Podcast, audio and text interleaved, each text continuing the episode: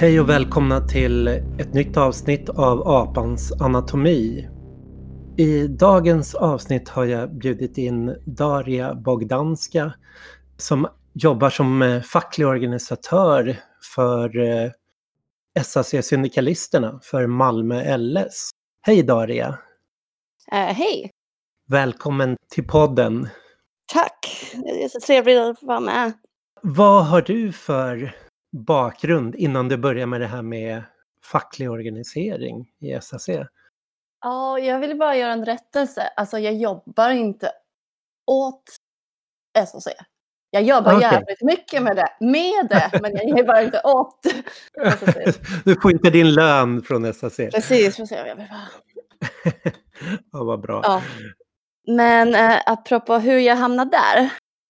Ja, det är ju så att jag har inte varit i Sverige så himla länge och jag har bott här nu kanske nästan sju år. Oj, tiden har gått väldigt snabbt. Jag kommer från Polen, från Warszawa. Och det är det första gången jag har börjat intressera mig, eller ens testa på med facklig organisering var just här i Sverige. Var du politiskt aktiv i Polen? Ja, jag har flyttat lite runt Europa. Jag har bott i Spanien, jag har bott i England, jag har bott i Warszawa. Så jag, sen jag var 16 så bodde jag och ockuperade, ockuperade ett uh, socialcentrum som heter Elba i, i Warszawa. Sen bodde jag i London där jag sysslade mycket med socialcentrum också i södra London. Och jag hängde mycket, jag gjorde mycket feministiska grejer men mest, det mest jobb med sociala centrum. Du spelar ett punkband också va? Ja, lite. Mest de senaste åren. Det tog mig lite tid uh, att uh, hitta modet att spela, även om jag har hängt mycket med folk som spelar musik. Och då, ja, och då flyttade jag till Spanien och sen flyttade jag hit och uh, här är jag. Jag också, um, jag vet inte, apropå sån, vi kanske kommer dit senare, men jag har också cykelbudd i många år. Mm. Både i England och i Polen. Där jag sysslade med något som heter Warsaw Courier Emergency Fund. Och det var något så av en, um, kanske lite närmast facklig organisering som, som jag har kommit innan jag kom, kom till Sverige. Det var ett fond Alltså en, mm. Eh, någon slags försäkringssystem underifrån. För vi alla cykelbud eh, hade aldrig några försäkringar och kontrakt. Så när vi hade en cykelolycka så, så hade man ingen lön.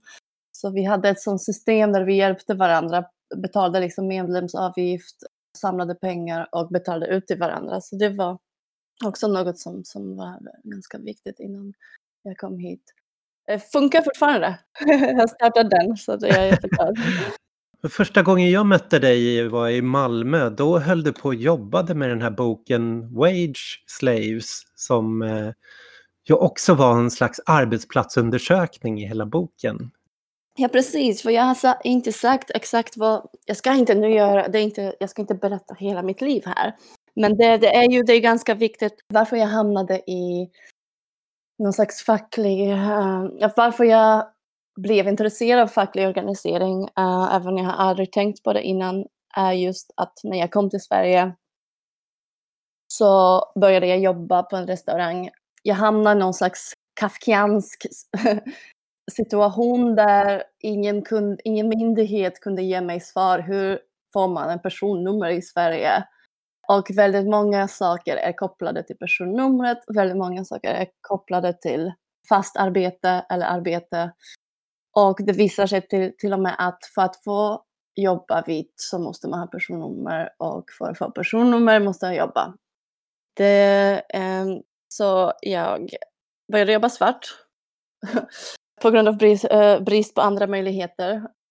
Och då var jag, jag tjänade typ 50 spänn i timmen på en restaurang och det visar sig snabbt att um, alla mina kollegor från Bangladesh och Pakistan tjänar ännu mindre. Mm. Och där börjar lite min uh, äventyr med SOC, där jag försöker få reda på vad som kan göras och, uh, och börjar organisera fackligt. För första gången i mitt liv. Mm. Och sen skriver jag en bok om detta. Och då träffade du mig egentligen. Eh, Det tog Mm. mig tre år. Boken släpptes och efter det så fortsatte jag möta folk som är i samma situation som jag en gång har varit och hjälpa dem organisera. Så det har jag sysslat med mest. Den boken fick väl väldigt spridning också internationellt, att den översatts till flera språk. Och så. Ja, till tio språk har den översatts. Det är något som jag har inte, jag har inte förväntat mig, men boken pratar väldigt mycket, alltså inte bara om, den pratar mest om erfarenhet av migrant, men den Mm. pratar också om den prekära arbetsmarknaden, om den, eh, jag vet inte om den kan, man kan säga den prekära ur, liksom, människa, urbana människan som, eh, som flyttar runt och har ingen trygghet och det, den delen präglar ens hela liv och alla tankar. Jag kanske pratar lite för min generation, Mm. lite pretentiöst, men, men jag tänker att när jag reste runt och pratade med folk om den här boken eh, runt om i Europa och då har du en story, oh, en gentrifierad stad, skitvillkor, prekaritet, allt är tillfälligt och du måste navigera inom detta. Det är samma överallt, så folk kände igen sig, även jag trodde inte att det skulle bli så, för det är så himla svensk. Mm. Det utspelar sig i Malmö, det är väldigt svensk kontext med alla dessa personnummer, men men det slog, slog igenom för den erfarenheten är universell för många unga människor nu. Från det till SAC, vad var det SAC kunde göra eller vad började du göra i SAC när det gällde facklig organisering? Jag ska vara så 100% ärlig med dig. Det var inte lätt att komma in i SOC. Nej. Och det är något som vi kanske kan prata om se- sen, för jag, jag har ju väldigt många tankar vad man borde göra för att kunna låta eh, människor organisera eller i, vara inkluderande, speciellt när det gäller människor som är nya i det här landet, men rent allmänt inom vänstern också. Alltså, väldigt många av våra organisationer idag är, är ganska små. SOC är små, Malmö LS är små. Det blir väldigt lätt att det är ett, ett gäng av människor som är kompisar. Som en person som kan inte språket, som kanske tillhör inte den här gruppen, det var ganska svårt för mig att komma in där. Mm. Jag har försökt i några år att bli engagerad och kunde inte hitta en väg in. Och gick på olika möten och du vet, liksom, man går igenom dagordningen och så går alla och det finns ingen plats för att prata. Vad jag sökte egentligen var kanske kontakten, kanske utrymme att kunna göra något själv och det, det gick inte så lätt. Men till slut så hamnade jag i något som handlar förhandlingskommittén. Jag tyckte det var helt sjukt att jag ska uh, vara i någon förhandlingskommitté som sysslar med juridik. För jag kände så, åh gud, alltså min svenska är inte så bra, jag har aldrig sysslat med någon, det känns riktigt tråkigt. Men jag gjorde det för de hade ett öppet möte och man kunde gå med. och det var så, ah, bättre det än inget, jag lär mig något åtminstone. Jag visste inte vad jag skulle göra där annars. Och i den här förhandlingskommittén, vad man gör är att det är folk i förhandlingskommittén som tar emot ärenden av alla våra medlemmar. Mm. Så man tar kontakten med folk. Man hjälper dem med förhandlingar, man hjälper dem med att kolla lagar. Man förhandlar oftast. Och genom detta så börjar jag träffa andra migranter som har upplevt samma problem som jag och börja hjälpa dem organisera. Ibland är det enskilda människor som har fått jättedåligt dåliga villkor på jobbet eller fick sparken eller behandlades illa. Och ibland kan det vara grupper av människor som vill göra något mer långsiktigt. Så hittills, nu har jag varit aktiv kanske tre och ett halvt år, nästan fyra, i där i förhandlingskommittén. Och jag har jobbat enbart med migranter. Hur har det gått? För att ni, ni har dragit igång någonting där nere som heter Skåne Factory Workers. Vad är det för någonting? Ja, alltså det är ju på många sätt eh, en av de viktigaste saker som har hänt i mitt liv. Att träffa de här människorna. En sak som jag märker när jag, jag jobbar med andra migrantarbetare är att ganska ofta Så jag, jag, ska bara berätta lite, lite intro innan jag går uh, över till att berätta om Skåne Factory Workers så folk ska förstå varför det är så speciellt. Mm. På samma sätt som med mig, uh, Eh, när jag jobbade på den här restaurangen och med många andra migranter som jag träffar. När folk kommer och har ett problem, kommer till LS och har problem med chefen. Det är ganska ofta när det gäller migranter att det handlar inte om enbart facklig organisering. Det finns massa andra problem. Det är människor som kanske saknar uppehållstillstånd här eller är asylsökande eller Eh, har ingen personnummer eller kan inte språket. Det gör det mycket svårare. Och när det gäller arbetsgivarna, de är ganska ofta ganska aggressiva. Det är ingen snack om den gamla svenska modellen där parter sätter sig ner och diskuterar saken och man kan komma till, överens om något. Det är liksom slags krig, alltså personen säger emot så är det alltid att den får sparken direkt. Den, ofta människor trakasseras eller hotas av chefer. Och ganska ofta är det så att de också bor hos chefen. Så det finns en annan Alltså de är beroende på ett helt annat sätt och det är inte så lätt att bara säga ah, organisera kom tillbaka till jobbet. För det är liksom som att du säger ah, den här personen har misshandlat dig, gå och skaka hand med den och spendera varje och se, och se dem varje dag. Mm. Det handlar mer om så kriminalitet ibland. Och därför blir det ofta att det inte alltid är möjligt att organisera på det här sättet som man skulle vilja helt och hållet. Alltså att bygga någon slags kollektiv förmåga att agera. Ganska ofta förekommande i städbranschen där folk jobbar också själva. Och de träffar inte ens andra kollegor, de har inte en aning hur de ska komma i kontakt med dem. Men därför det kan vara lite dystert ibland och man kan känna sig att man sysslar mer med att släcka bränder än att faktiskt bygga något. Men det finns alltid den här strävan att försöka. Och jag tycker det är värt fortfarande. Men vad som har hänt med Skåne Factory Workers, det var när en grupp av anställda på en bemanningsföretag i Skåne som kommer från Rumänien och Ungern har hört av sig till oss. Och de var typ 15 stycken. Uh, sen blev de 20. Sen uh, började det rulla igång. Det var kanske för ett och ett halvt år sedan kanske nästan två. Oh, gud, jag, jag minns inte. Men eh, det var väldigt intensivt. Här pratar vi folk som jobbar inom jordbruksindustrin, i en fabrik och på ett bemanningsföretag där ingenting är klart. Och de bor i olika baracker och hus som de hyr från chefen på landet. Och vi börjar gräva, vi börjar kartlägga. Det visar sig att ingenting stämmer det är mycket svart arbete, det är mycket bero, de är i beroendeställning, men de vill organisera. Mm. De har varit där kanske fyra, fem år och de vill göra något åt saken. Och, och så började det.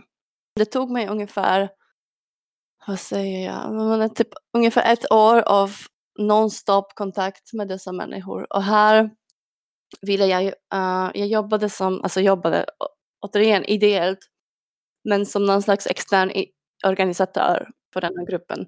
Uh, vad innebär detta? Ja, alltså det räcker inte att folk kommer och säger att de uh, vill organisera sig. SOC säger alltid att det är ju är demokratiskt och speciellt direkt demokratiskt fack. Så det är våra medlemmar som ska göra saker själva. Det är inte den här servicefackmodellen där vi gör något mm. åt dem. Men detta sagt, kommer no någon till dig som kan inte svenska, har aldrig varit med i en förening, vet inte vilka regler finns och har aldrig gjort det, så behöver de stöd. Även då det är de som måste göra jobbet, så om de inte vet vad de ska göra så måste de få hjälp. Alltså, de kommer inte komma på det själva. De är jätteduktiga på att snacka ihop sig, men när det gäller den formella biten som, som, som svensk, liksom, svensk modell är präglad av, att man ska förhandla, att man måste kunna regler, det är en annan sak och det försökte vi hjälpa med. Eh, jag jobbade på den här tiden på folkhögskola i Svalov i Skåne. Och en fantastisk slump att uh, det är typ ungefär en timme från Malmö norrut. Att de bodde ju där, för det var där fabriken la. Okej. Okay. Så jag stannade ganska ofta efter jobbet och vi träffades på skolan och jag öppnade lokaler och vi körde workshops. Vi körde workshops, organiseringsworkshops, hur chefen splittrar kollektivet, vad gör de för att skrämma oss, strategimöten, vad är vår nästa steg, vad, vad vill de, vad ska vi göra tillsammans? Vi, vi jobbade verkligen uh, i grupp och det tar tid då att involvera människor som har inte gjort det innan. Det, det, skulle vara mycket snabbare att snickra upp ihop en plan, bara några aktivister och bara säga till an, an, de, de medlemmarna vad, vad ska göras nu. Men min idé var att på riktigt involvera dem. Så vi körde massa möten, hela tiden översättning av material, inkludera, snacka varje dag. Alltså det var kanske att jag hade inga kompisar under det här året förutom dem. det var de jag pratade med typ varje dag, fyra timmar. Ja. Var det bara du från SAC som var involverad i det här projektet? Eller var ni fler? Vi var tre stycken, men jag måste säga att kanske på något sätt mest inblandad. Och nu ska jag försöka komma till den nästa punkten som du egentligen frågar mig, men jag tycker det är värt att nämna det. För här fick jag också testa på olika mm, sätt, nya sätt att arbeta. Så när vi började med Scania Factory Workers så var de egentligen hade de väldigt svag position gentemot chefen. Väldigt otrygga anställningsavtal eh, beroende på grund av att de bor i bostäder som ägs av chefen. Man skulle kunna jämföra det till att de var livägna nästan. Ja. Och även de är tillsammans så är de fortfarande väldigt svaga, alltså liksom maktbalansen är väldigt skevt här. De är väldigt lätt ersatta av andra anställda också. Om, liksom man kan, man kan slussa, slussa in några andra migrantarbetare till den här branschen och det blir ingen, inget problem för chefen. Men vad vi försökte göra är också, förutom den här basorganiseringen, att de ska organisera, de ska lära sig allt, att de ska vara enade, så göra sådana saker där kompenserar den här bristen på, på makt med andra metoder. Så till exempel bygga nätverk. Så planen var till exempel, eftersom arbetsgivaren sysslade med union busting, alltså berättade till alla anställda om, om de går med i facket att de kommer stänga ner företaget, som gjorde alla andra anställda, de som var inte med oss, rädda att gå med. Så vi gjorde en kampanjsida där vi hela tiden uppdaterade det som chefen säger. Det är ingen stridsåtgärd, det kan vi göra hur, hur vi vill. Men tanken var att eftersom chefen bryr sig inte vad de tycker och vad han gör, så men kanske bry, han bryr sig när att varje steg han tar, den bevakas utifrån. Den kommer synas direkt. Så det gör honom mindre benägen att göra taskiga saker och trakassera, för då kommer det ut direkt.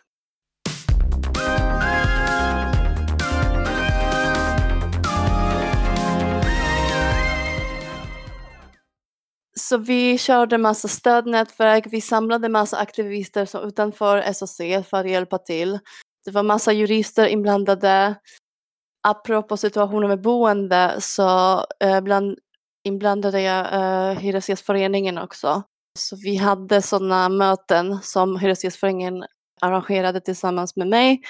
Att en person från Hyresgästföreningen fick efter jobbet komma, anpassa sig för då måste man eh, också tänka på att de här människorna jobbar kanske till kväll, kvällen och ha ett möte där Hyresgästföreningen kommer, förklarar hur det funkar, de kan bli medlemmar i Hyresgästföreningen och man kan börja prata med eh, bostadsfrågan också.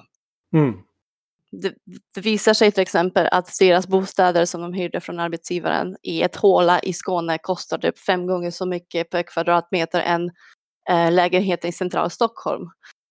Det är också en typ av exploatering som jag märker mer och mer att arbetsgivarna hyr ut bostäder till anställda för överpris.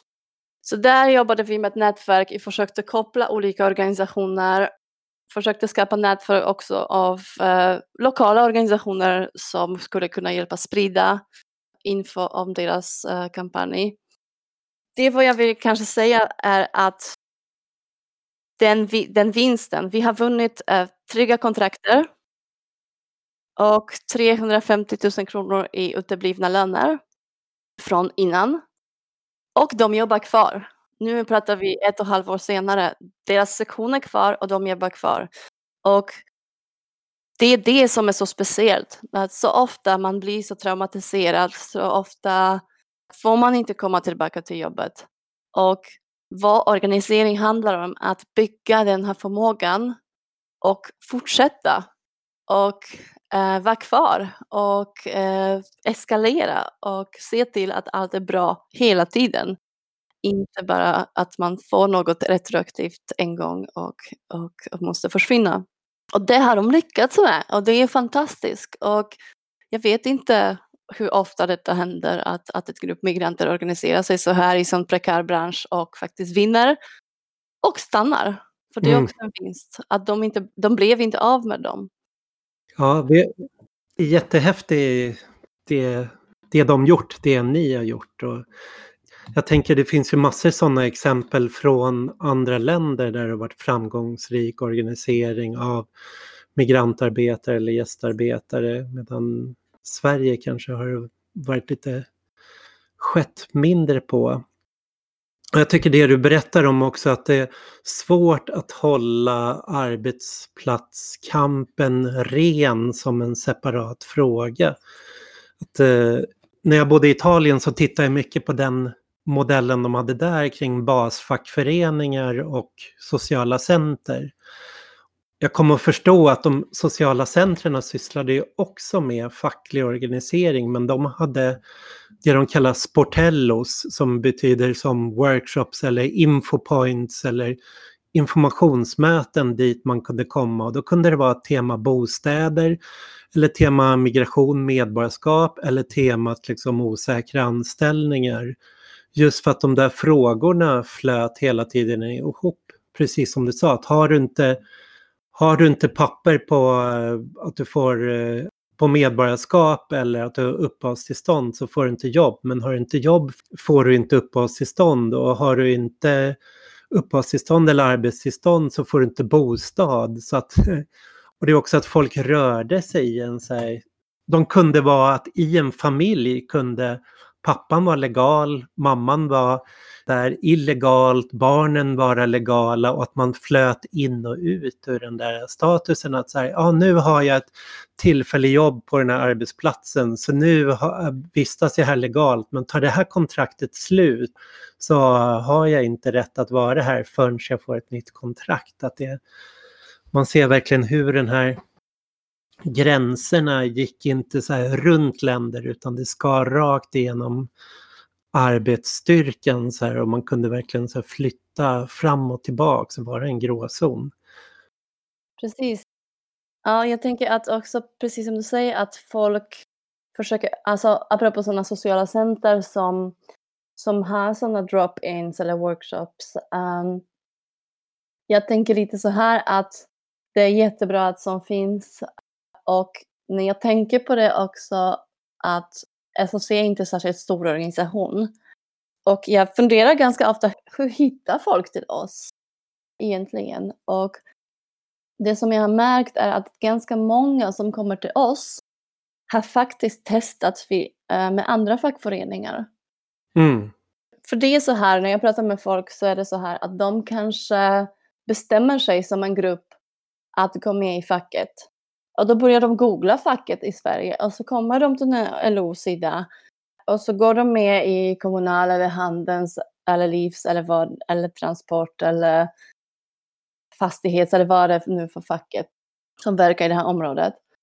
Och det är ganska ofta som vad som händer är att de hittar oss efter de har varit mm. i kontakt med de stora facken.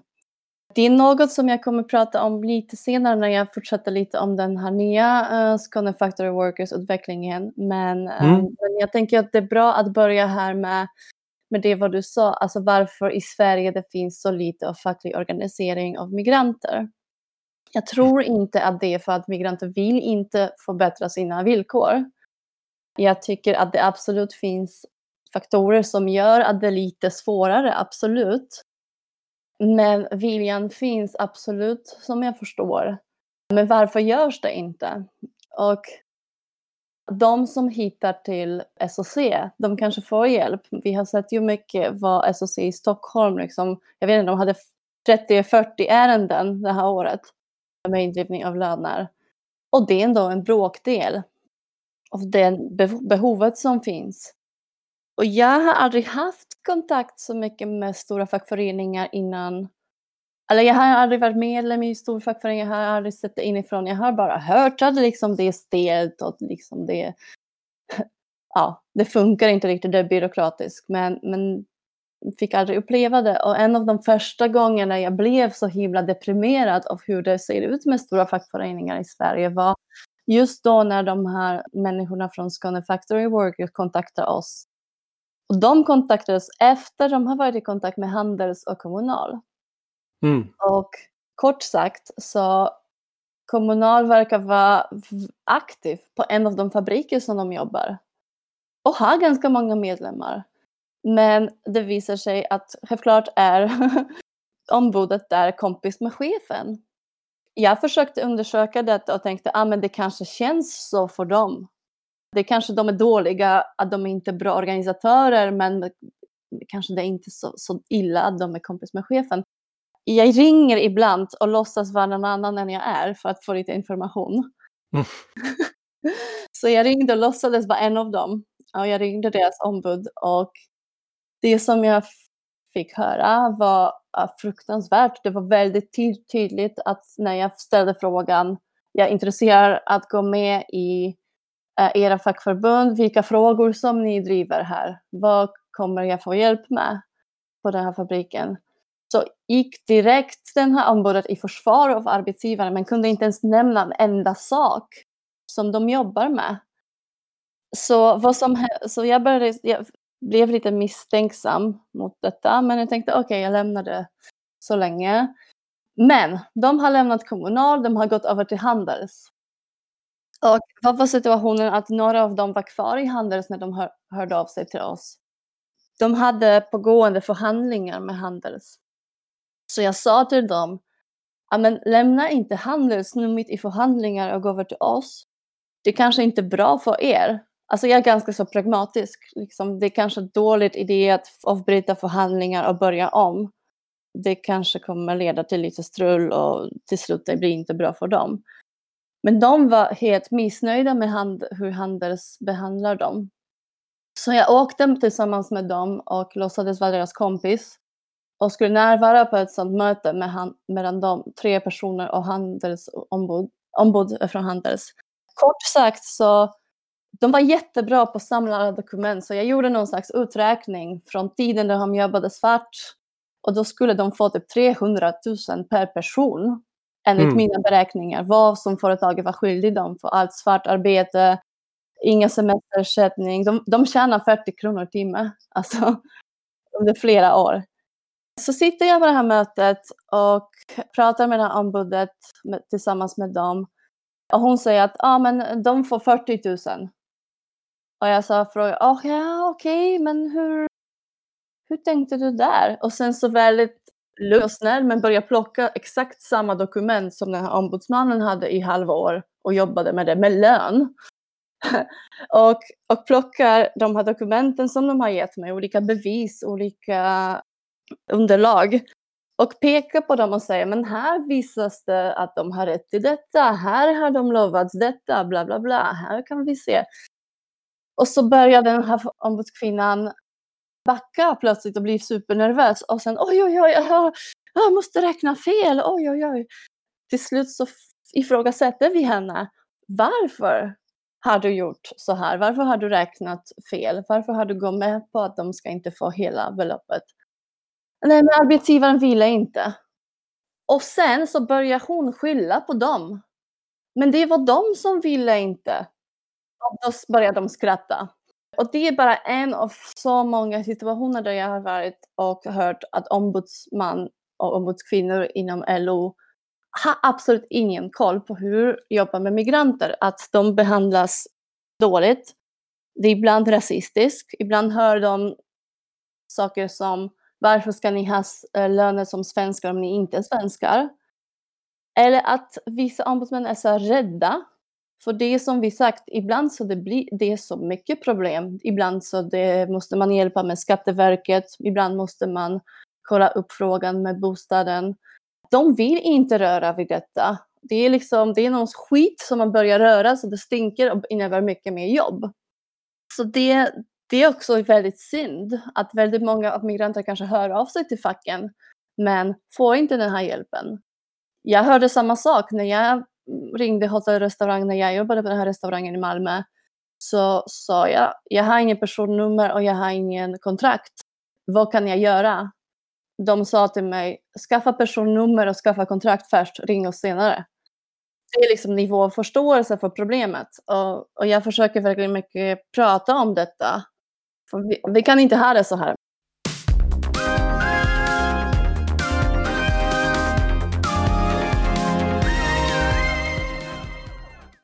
Det fackföreningsrörelsen har ju både i Europa och Nordamerika, de har ju tappat eh, medlemmar och det, har ju, det här medlemstappet har ju någonstans pågått sedan början av 80-talet och det är ju olika anledningar, både att arbetsmarknaden har omorganiserats och industrijobben flyttats ut och eh, näringslivet blivit mer antifackligt. Men en vanlig strategi att kontra det här, det har ju varit att bli mer ett servicefack.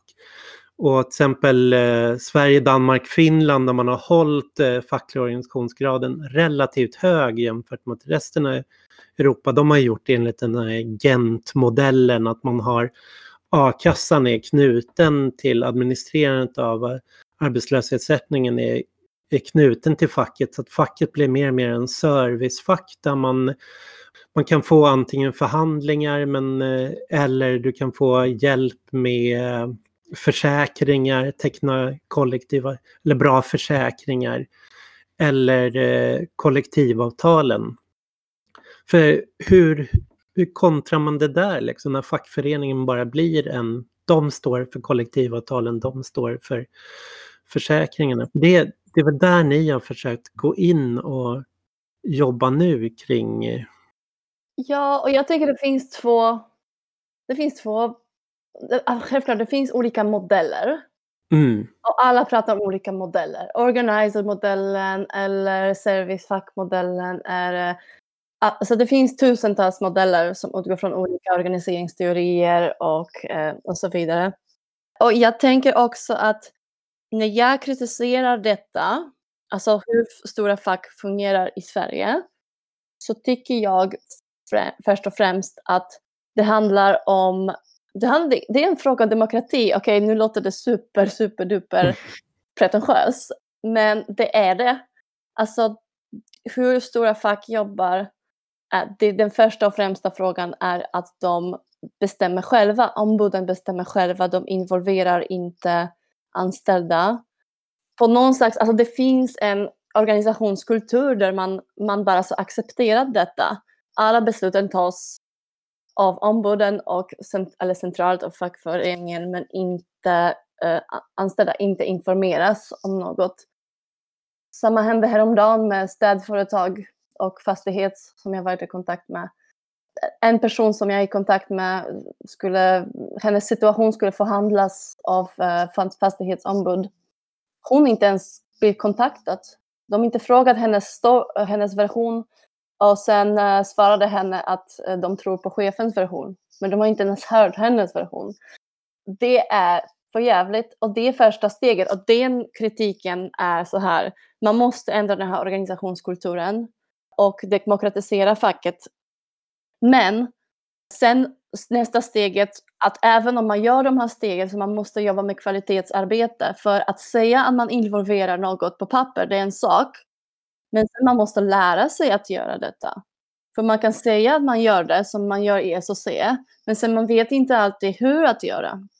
För om man får vända lite vad till exempel modellen i SOC är. Vi har tvärt emot. Här är det medlemmarna som ska bestämma allt. Och det som hör, du hör som medlem när du kommer till SOC är tro inte att vi kommer sköta allt åt dig. Man definierar sig utifrån liksom mot, motsatsen till den servicefa servicefacket. Mm. Så man säger från början, du måste vara aktiv själv, tro inte att vi kommer göra allt åt dig och så vidare. Jag kan vara kritisk till detta också. Ja, det kan ju vara skrämma verkligen bort folk. Exakt, speciellt som, alltså jag förstår att det är vår mål. Men att folk upprepar det som en mantra utan någon jävla social kompetens och tanke på varför vi säger det och vilken effekt det har på en person som vi träffar för första gången. Det är ju, alltså, det är något som absolut att personen måste engagera sig, men det måste du som ska leda den här personen berätta allt till dem och hjälpa till så de kan faktiskt lära sig att jobba självständigt. Och det är Mm. mycket arbete och många som vill inte göra det här arbetet för tyvärr, alltså vad jag har sett också inom SOC är att man säger den här mantran för, från från början och det låter bra, vi är inte servicefack. Men sen lyckas man inte involvera den här eh, medlemmen och till slut så sitter man ändå i en sluten grupp av aktivister och gör allt åt den här personen och sen så upprepar man samma sak. Ja, men äh, medlemmarna är inte aktiva. Alltså det kostar. Det kostar tid och Mm. det tar vanligtvis typ tre gånger så mycket tid att involvera någon steg, steg efter steg än att göra det själv. Så är det. Men om vi ska hitta ett modell, modell som är inte servicemodellen så måste vi jobba med det. Och där, det är kanske kontroversiellt men jag tycker till exempel tycker inte heller att man ska göra det helt och hållet på ideella krafter. Så jag tror att ombud inom LO, betalda ombud, ja, alltså makten korrumperar, det finns förfärligt odemokratisk arbetsplatskultur där med de här ombuden. De involverar inte. Och ibland så säger man att man, ja, istället låt oss bara att alla ska organisera sig själva och allt ska vara ideellt och baseras på, jag vet inte, så här medlemsaktivism. Jag tror på det, men jag tror också att man måste lära folk och för att kunna lära folk och erbjuda dem guidning så behövs det extremt mycket tid. Jag har arbetat ideellt, men jag har inte haft något liv under Mm. senaste två år. Alltså på riktigt, jag, har, jag träffar inte mina kompisar, jag har inte fritid. Jag jobbar bara med det. Och då, även jag tar inte pengar för det, så ser jag att liksom det bara arbete som kräver tid. Vill Mm. man bygga, bygga upp något så måste man ha människor som, som finns och kan detta och kan börja bygga, bygga på nå- något. Jag tror inte på ett enda modell. Jag tror att man måste alltid anpassa olika modeller till den, de förutsättningar och den situation som man befinner sig i helt enkelt. Ja, ja men det, det låter ju smart och rimligt. För den, den modell som ändå låter väldigt nära det du har pratat om och jag vet att du också haft lite kritik mot det. Det är ju det som kallas strategisk organisering eller organizing unionism. Och det, det amerikanska serviceanställdas eh, fackförening som heter CEO, de har ju utvecklat den här mycket och de har ju drivit de här kampanjerna Justice for Janitors och Fight for 15. Och de har ju skolat till exempel Black Lives Matter i den här organisationsmodellen. Och vi har brittiska Hope Not Hate och svenska Tillsammanskapet har försökt använda den och jag vet SAC var inne och försökte kopiera den ett tag och Transport försökte de göra det även om de blev väldigt motarbetade. Och den bygger ju på att du ska ha anställda organisatörer, att du ska hjälpa till, att du kommer utifrån men du hjälper till att skola fram en självorganisering och, och målsättningen är att få självständiga arbetarkollektiv som jobbar. Men att självorganiseringen behöver hjälp utifrån för att kunna stå på egna ben och bli själv. Ja, det, det är vad du pratar om där inom de modeller som du berättar om. Ja, Det finns också massa bråk där mellan olika människor. Och jag tänker så här, det en sak är som att när man ska prata om det utifrån vår kontext i Sverige. eh, Jag tror man kan inte titta blint på på de amerikanska modellen och säga, ah, men ska vi tillämpa just det här eller detta, ska vi sätta dem emot varandra? Den största skillnaden är, alltså om vi pratar väldigt mycket av de här eh, modeller kommer från eh, typ eh, Alinskis modell.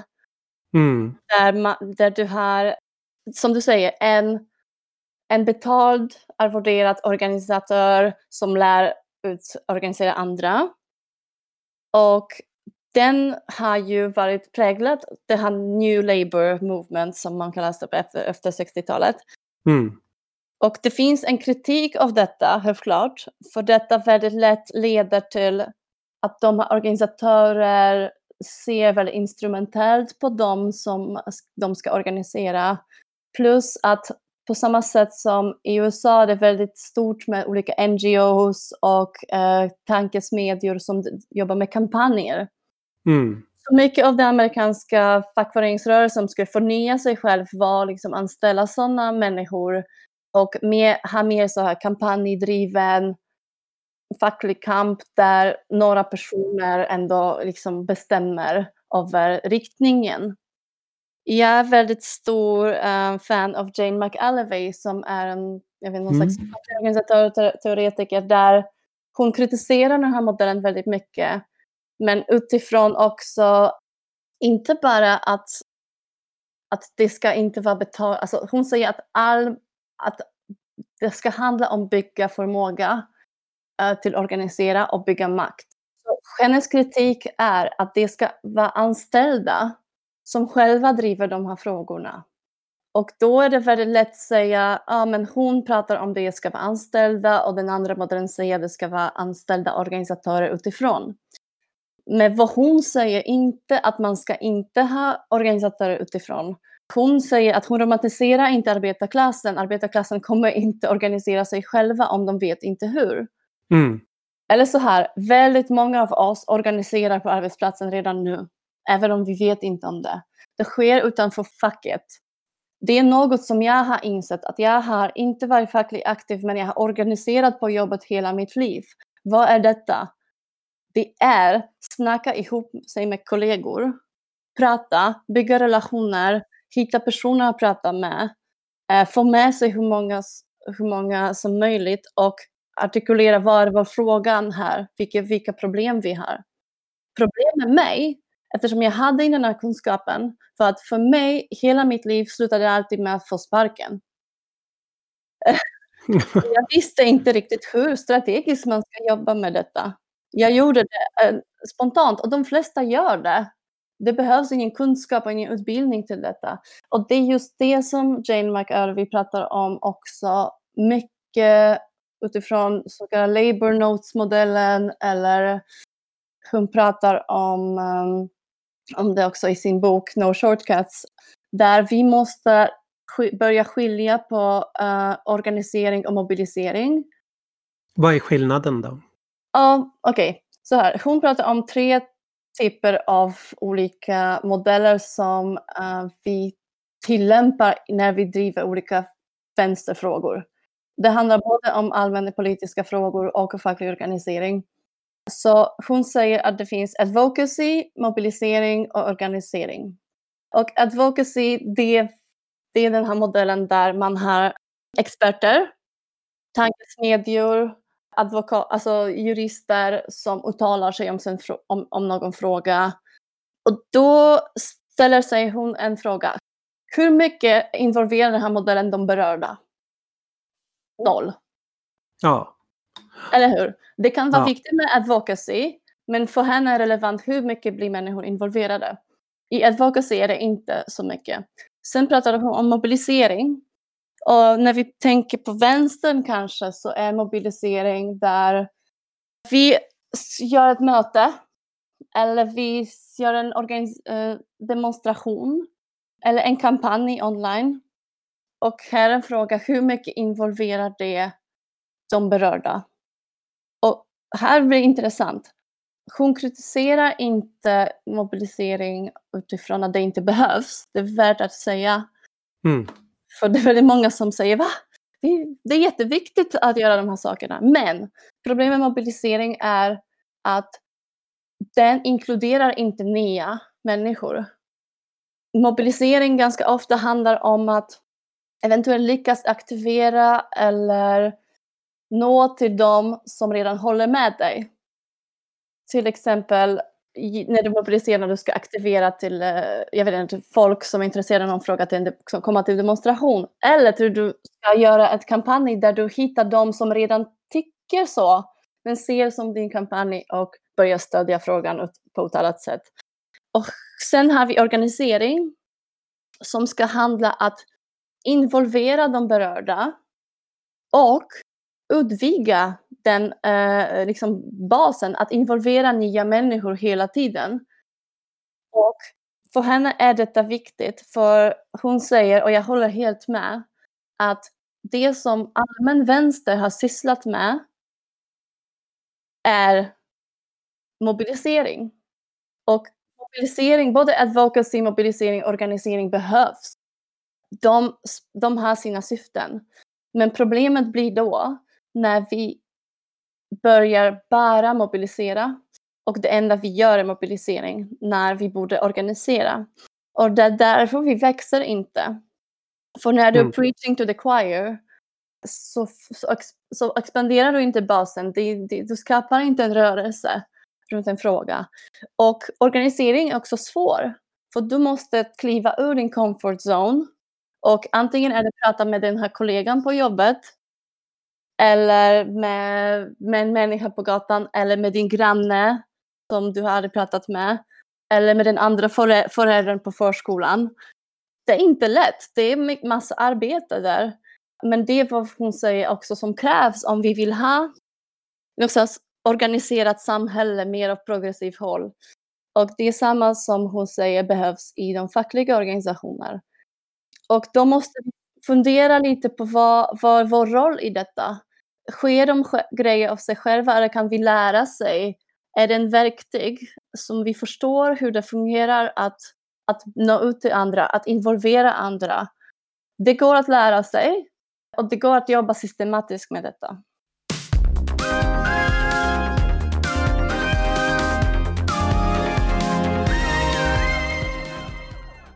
Jag tänker på eh, Jane eh, McAlloway, hon och Labour Notes. Det, det finns ju en, en riktig bibel när det gäller så här, organisering där som heter Troublemakers Handbook som, som de varit inblandade och ge ut som är väldigt man får, fast den är amerikansk får man väldigt mycket bra idéer hur man kan gå tillväga på alla de här stegen.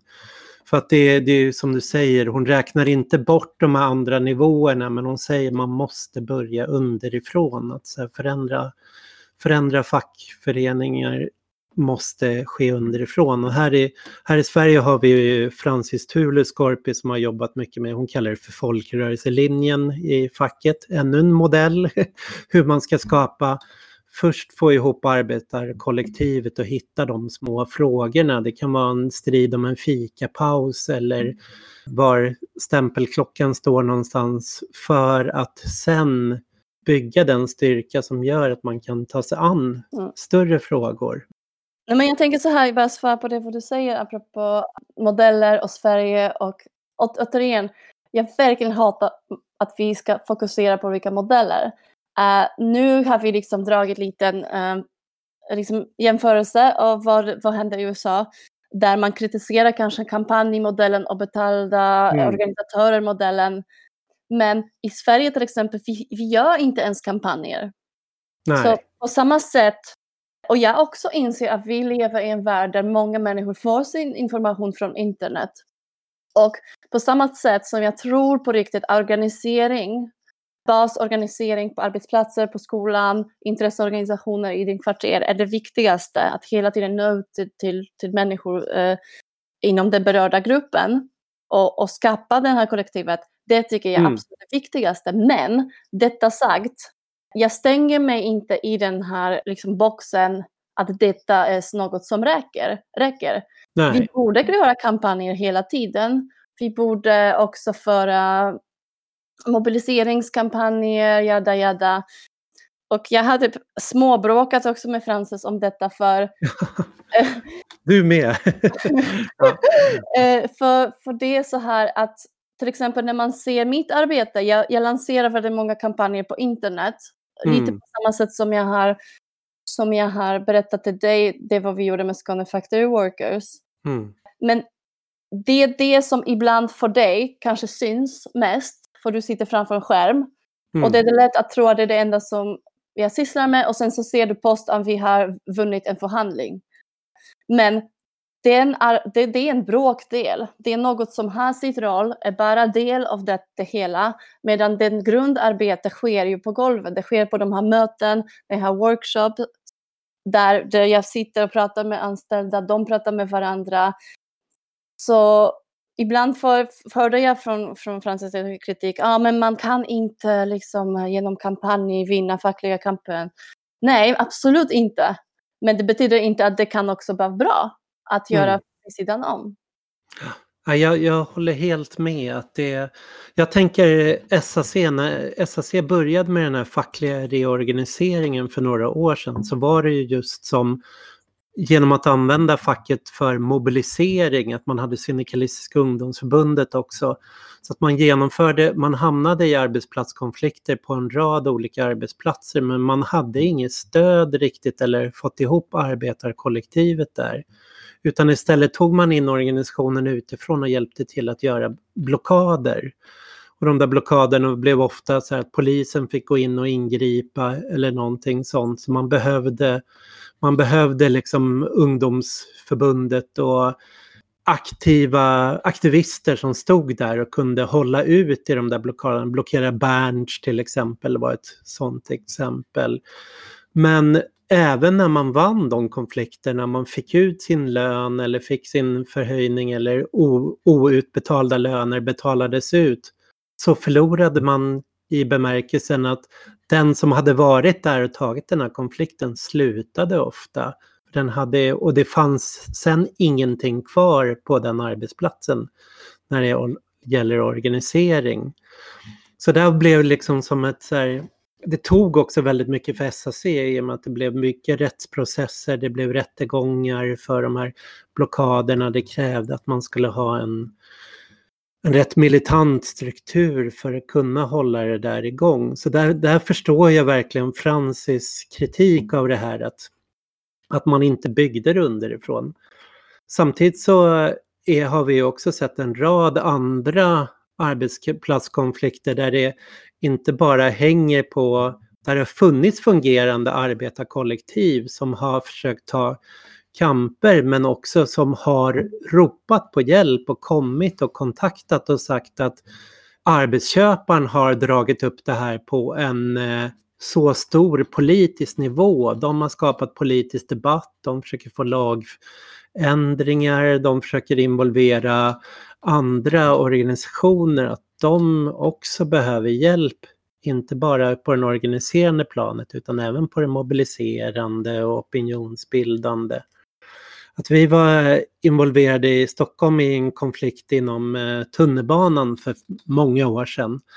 Där eh, Connex sparkade en lokal fackklubbsordförande. Och där fanns det en organisering. Det fanns en organisering bland tunnelbanechaufförer och, sen, och det fanns både inom Seko och inom eh, SAC organiserade där. Men de, kun, de var ju bakbundna av eh, vad de kunde göra där också och var väldigt utsatta från arbetsköparen. Så då kunde vi genom att organisera en mobiliserande organisation som vi kallade Stockholms förenade pendlare komma utifrån och göra stöd. När de inte fick strejka i Seko då kunde SAC lägga in strejkvarsel och vi kunde dra i nödbromsen eller öppna upp spärrarna. Mm. Så tillsammans så blev det som en strejksituation.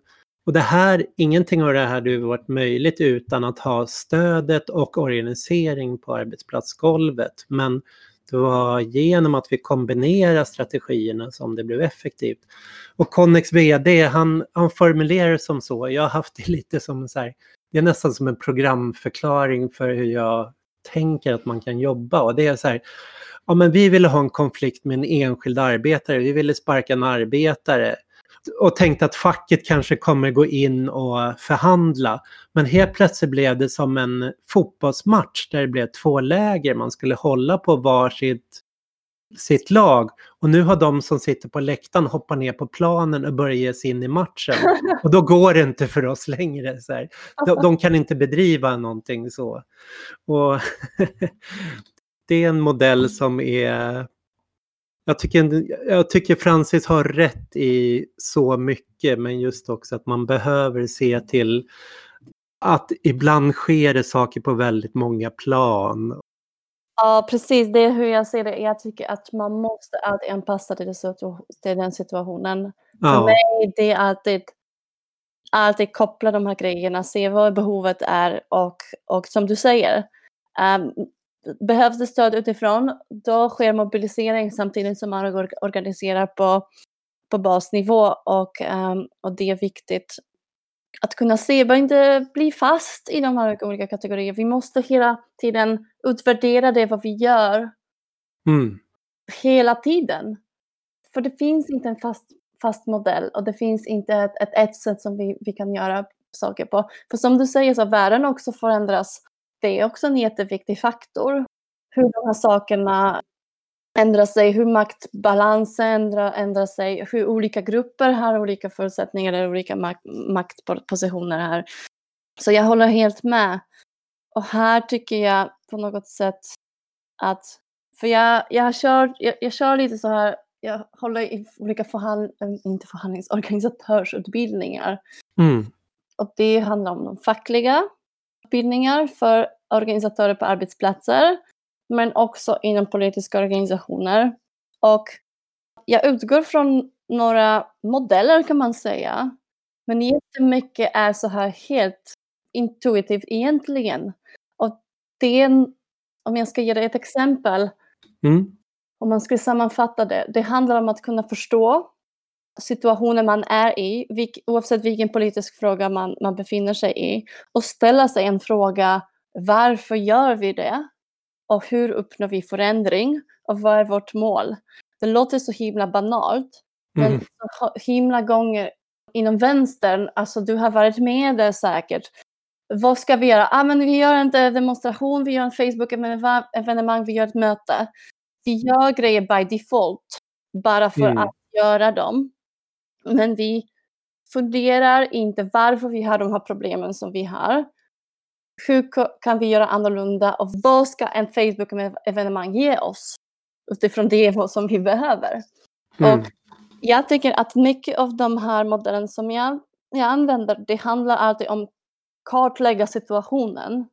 Och då menar jag inte kartlägga, det behöver inte vara alltid att du sitter och ritar kartläggning och skriver all information om alla människor. Jag menar att du förstår dig på vad är våra vad är svaga punkter, vad är starka punkter? Till exempel i arbets, um, arbetsplatsorganisering. Uh, du behöver veta hur företagets struktur ser ut. Vad är deras svagaste punkt? Uh, vad är vår svagaste punkt? Hur, mycket måste vi, hur långt måste vi komma för att kunna lyckas med något? För, så, för annars så det kan bli så här att vi hoppar in i något projekt, till exempel vi bestämmer oss att genomföra en strejk men vi har inte stöd åt, av andra anställda. Mm. Det kommer bli en, en, en flopp. Och då kommer det bli liksom sämre för oss än att inte göra det och börja med något litet. Och samma med vänsterorganisationer där man funderar inte och ofta varför vi gör det och hur vi ska göra det. Jag har kunnat tillämpa det på alla nivåer. Så till exempel om vi har en intern problem i organisationen, varför växer vi inte? Eller hur ska vi aktivisera våra aktivister eller till arbetsplatsorganisering um, där man pratar om ledare mycket. Jag vet att många inom autonoma vänster hånar den här modellen. Men det finns alltid och det handlar om människor som är bra på att kommunicera. Nej, organisering handlar om relationsbyggande. Du bygger relationer med människor, du nätverkar, du är bra på att koppla in andra. Och det handlar om att skapa mer aktiva, att involvera människor. Eh, jag som facklig organisatör, min roll är att mest att lyssna och prata. Och lyssna och prata på det här sättet att jag ger folk utrymme att utvecklas och lära sig utan att styra dem. Så de lär sig detta och kan göra samma sak till nästa person. Mm. Och samma gäller i vänsterorganisationer. Det handlar om att skapa nya organisatörer hela tiden. Och jag hatar när vi ska lämna det åt slumpen. Eller när vi ska lämna det åt den som har starkast karaktär eller position eller utifrån normer, vem, som helst är starkast. Vi kan alla lära oss hur att hela tiden utvecklas och skapa nya organisatörer, involvera nya människor, lära folk att organisera. Men måste, vi måste tänka på det, hur vi gör. Vi Ja. måste fundera över lite vilka som är problemen och hur vi går vidare. Strukturtester, också väldigt viktig sak. Det är som du säger, som eh, jag hört också inom SOC, att typ, man går till arbetsplatsen, man vänder sig bara till de som är vänster, man idealiserar strejk och man bara ja, vi gör stor grej. Mm. Men man har inte ställt sig en fråga, men vi, kan, vi har inte ens lyckats få våra kollegor att komma och till ett fikamöte med oss och prata. Mm. Har vi inte klarat det här första steget så kan vi inte hoppa till nästa. Och hela tiden måste vi göra, bygga på, bygga den här förmågan, utvärdera, göra strukturtester. Klarar vi det här steget? Om vi inte har klarat det här steget så kan vi inte gå till nästa.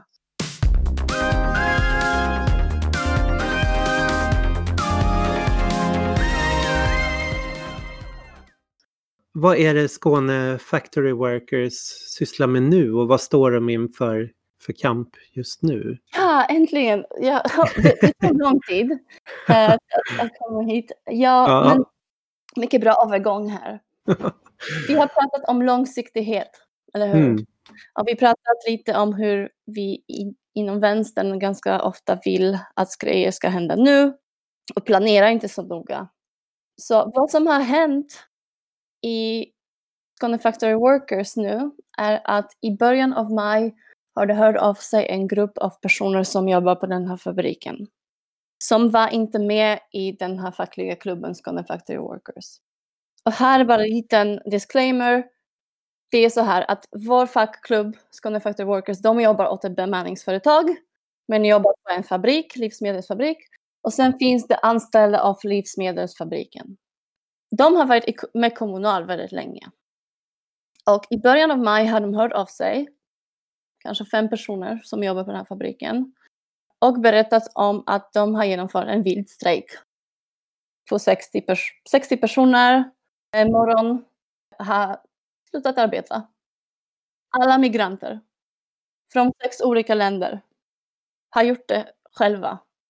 Jag vill bara säga att SOC har ingenting med detta att göra. Det som har radikaliserat dessa människor är Kommunal. Mm. Så det är Kommunal som är den radikaliserande faktorn här. Man borde vara rädd för dem snarare än SOC. För att, apropå det som jag berättade innan, att vi fick kontakt efter folk har varit missnöjda. Och jag har ringt och gått på olika möten och har upplevt också att det var problem. Och det var det som utlöste strejken. Deras stämpelklocka har flyttats till en annan våning som gör att de förlorar 10 minuters paus och kan inte ta cigarettpaus. Eh, Man kan tänka att det är en skitgrej, Mm. men de, det är jätteviktigt för dem. Eftersom det är människor som har försökt organisera, människor som har försökt få information och inflytande, men Kommunal har, och arbetsgivaren har ignorerat dem, underhållit information, aldrig frågat dem om något. Det var droppen, det räckte. De bara, det här är nog. Fuck you alltså. och så hur kommer vi och SSC Malmö LS in i detta? Och, och till slut jag. Mm. Ja, för anställda organiserar en stor möte för alla som jobbar efter detta, som vi har ingenting att göra. De är skitbra organiserade själva. Och började prata, snacka ihop sig och gå, gå ur från Kommunal. Och Mm. snacka ihop sig vad de kan göra. Och så var självklart våra medlemmar där, från vår sektion. Och då säger de, hej, ni är jättevälkomna att gå med vår fackförening. Och då var, gick det väldigt snabbt. Jag ringde min ex-chef, bokade möte på skolan, kommer dit, vi har ett möte, vi berättar till dem snabbt vad är möjligheter, vad är risker, jada jada, vad de vill göra. Vi frågar, har ni några frågor? En tjej svarar, ja, när ska vi ha nästa möte? Och så gick det snabbt. Eh, veckan efter så har de kommit 35 stycken. Inte alla kunde komma. De har en Facebookgrupp på 100 pers. Det hjälpte dem skriva stadgar. Det var så mycket folk att jag var så här, skrev nästan på knät. och de har gjort omröstning av sina representanter. De har fem drivande personer. De har startat sin egen klubb. De vill ha egen kollektivavtal. Och prata om långsiktighet. ja, då blir det spännande. ja, alltså det är ju, det, de kommer vara pionjärer efter den här nya lagen. För ingen vet, inte ens uh, jag vet inte, folk som forskar på arbetsrätt, hur det kan bli nu. Mm. Här kommer corona också i bilden, för det finns viss möjlighet att man har lite bättre position eftersom det finns inte så många som reser in till Sverige, alltså migrantarbetarna. Så det är nästan en historisk möjlighet att en så stor grupp av anställda på en fabrik som är migranter vill ha ett nytt kollektivavtal som är inte kommunals. Vi har egen. Och nu är det coronatider så de kanske är i bra position för uh, det är inte så lätt att skaffa nya anställda. Alltså det är så himla spännande och de är så himla grymma. Mm. Men från min perspektiv, för det första, vad gör vi med dem? Vi utbildar dem. All, som, all information som de har inte fått så får de nu genom oss. Vi är i kontakt. Vi gör utbildningar varje vecka, två, dagar, eh, två timmar. Så på morgonpasset och kvällspasset så alla ska kunna komma. Och vi utbildar dem och sen ska de hjälpa varandra. Och vi gör, har en separat process där vi ska hitta ett demokratisk process så alla kan vara medverka, medverka i skapandet av det här nya kollektivavtalet. Alltså det rullar på. Men för mig, det skulle inte vara möjligt att, att vara med och kunna assistera dem med detta, kunna hjälpa dem med detta, om vi har inte börjat ett och ett halvt år sedan. Och vi har inte lagt så mycket arbete. Mm. För det är också så här att folk vet inte vad SOC är. SOC är ett litet fack folk, när de har besvikna med Kommunal så vill de inte lita på någon fackförening. Men i och med att folk har hört av oss och vi kanske inte lyckats värva flera i den här sektionen under sista året och vi kände, åh fan vad vi är misslyckade, vårt projekt gick åt sko skogen. Men nej, saker tar, tar tid och det kommer till tid när det, man tar nästa steget. Och det som har hänt var att både vi var kända. Folk litar på oss för de vet att vi har sysslat med det i ett och ett halvt år och vi inte ger upp. Uh, våra medlemmar var på plats på de här möten och visste exakt vad att säga. Mm. Vi, har, vi har nu massa översatt material, vi har utarbetade sätt att, att jobba med sånt, för vi har lärt oss extremt mycket från förra året. Och nu är det så mycket lättare att fortsätta. Och det är liksom, ja, det är vid andra året av det här projektet och ingenting händer på en gång. Oh. Vi jobbar långsiktigt och, och det funkar. Och det är så som är så himla fantastiskt med detta. Ja. ja, det blir ju jättespännande att se vad som kommer ske för att kommunal och socialdemokratiska arbetarrörelsen kommer ju se det här som en konflikt mot dem på ett sätt också. Ja. Något som väldigt snabbt ska säga, det finns den här um, brittiska facket United, Voices of the World. Mm. Jag har hört på deras föreläsning här på Arbetarfilmfestivalen i Malmö. Och de sa en viktig sak. För jag känner igen det vad du säger, att många stora fack är rädda för SAC. För mig, det hand, alltså jag är inte emot stora fack, jag vill bara att de ska bli bättre. Uh, så folk är lite rädda att debattera med mig, liksom olika personer som ska sitta, jag ska sitta i någon panel med någon LO-person och de är alltid så här himla defensiva. Och jag vill bara prata, det är våra gemensamma problem, vi måste hitta lösningar. Men det som United Voices of the World sa, att den här krisen av uh, majoritetsfack, den finns överallt. absolut, små fackföreningar kan inte fixa det he hela arbetsmarknaden, kan inte organisera alla arbetarna. Vi har begränsade resurser. Men vi skapar kanske åtminstone något som de kallar för snowballseffekten. Där mm. när de med så stora resurser, med så många människor, med så stor makt, när de säger nej, den här gruppen är omöjligt att organisera. Nej, det går inte. Och sen kliver en, en liten skit fackförening och ändå lyckas. Mm. Så måste de steppa upp sitt game. De måste skärpa sig för de ser, det ser inte bra ut för dem.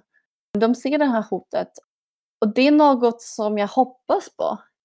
Uh, någonstans där in, innerst inne. Jag skulle önska mig helst i hela världen att LO var superbra och mer militanta och la lite tid och tanke och resurser för att, för att göra saker bättre. Men, men det är det enda som jag kan påverka. Det är det enda sättet vi kan påverka dem nu. Vi gör vår grej och vi gör vår grej bra. Och vi visar att det går. Mm. Så jag hoppas på sin slutsats också. ja, men jättespännande. Jag får tacka att du har varit med i den här podden. Det var ja, jätteintressant. Tack, eh, tack att jag fick komma och prata och eh, sorry att eh, jag snackar så himla mycket. det är bara det är bra. Och vi kan ju följa Skåne Factory Workers för att höra hur det går i de här konflikterna. Jag rekommenderar också att följa eh, Solidaritet med städarbetarna. Det är ja. också en, um, en lite annorlunda men också väldigt spännande um, kamp här med polska städarbetarna som, som man kan följa på mm. kampanjsidan också. Uh, ja. Nu gör jag lite reklam. jag kommer lägga upp länkar så att ja. ni kan se det på. Tack så mycket. Mm -mm. Tack så mycket. Ja, ha det så bra, hej! Hej!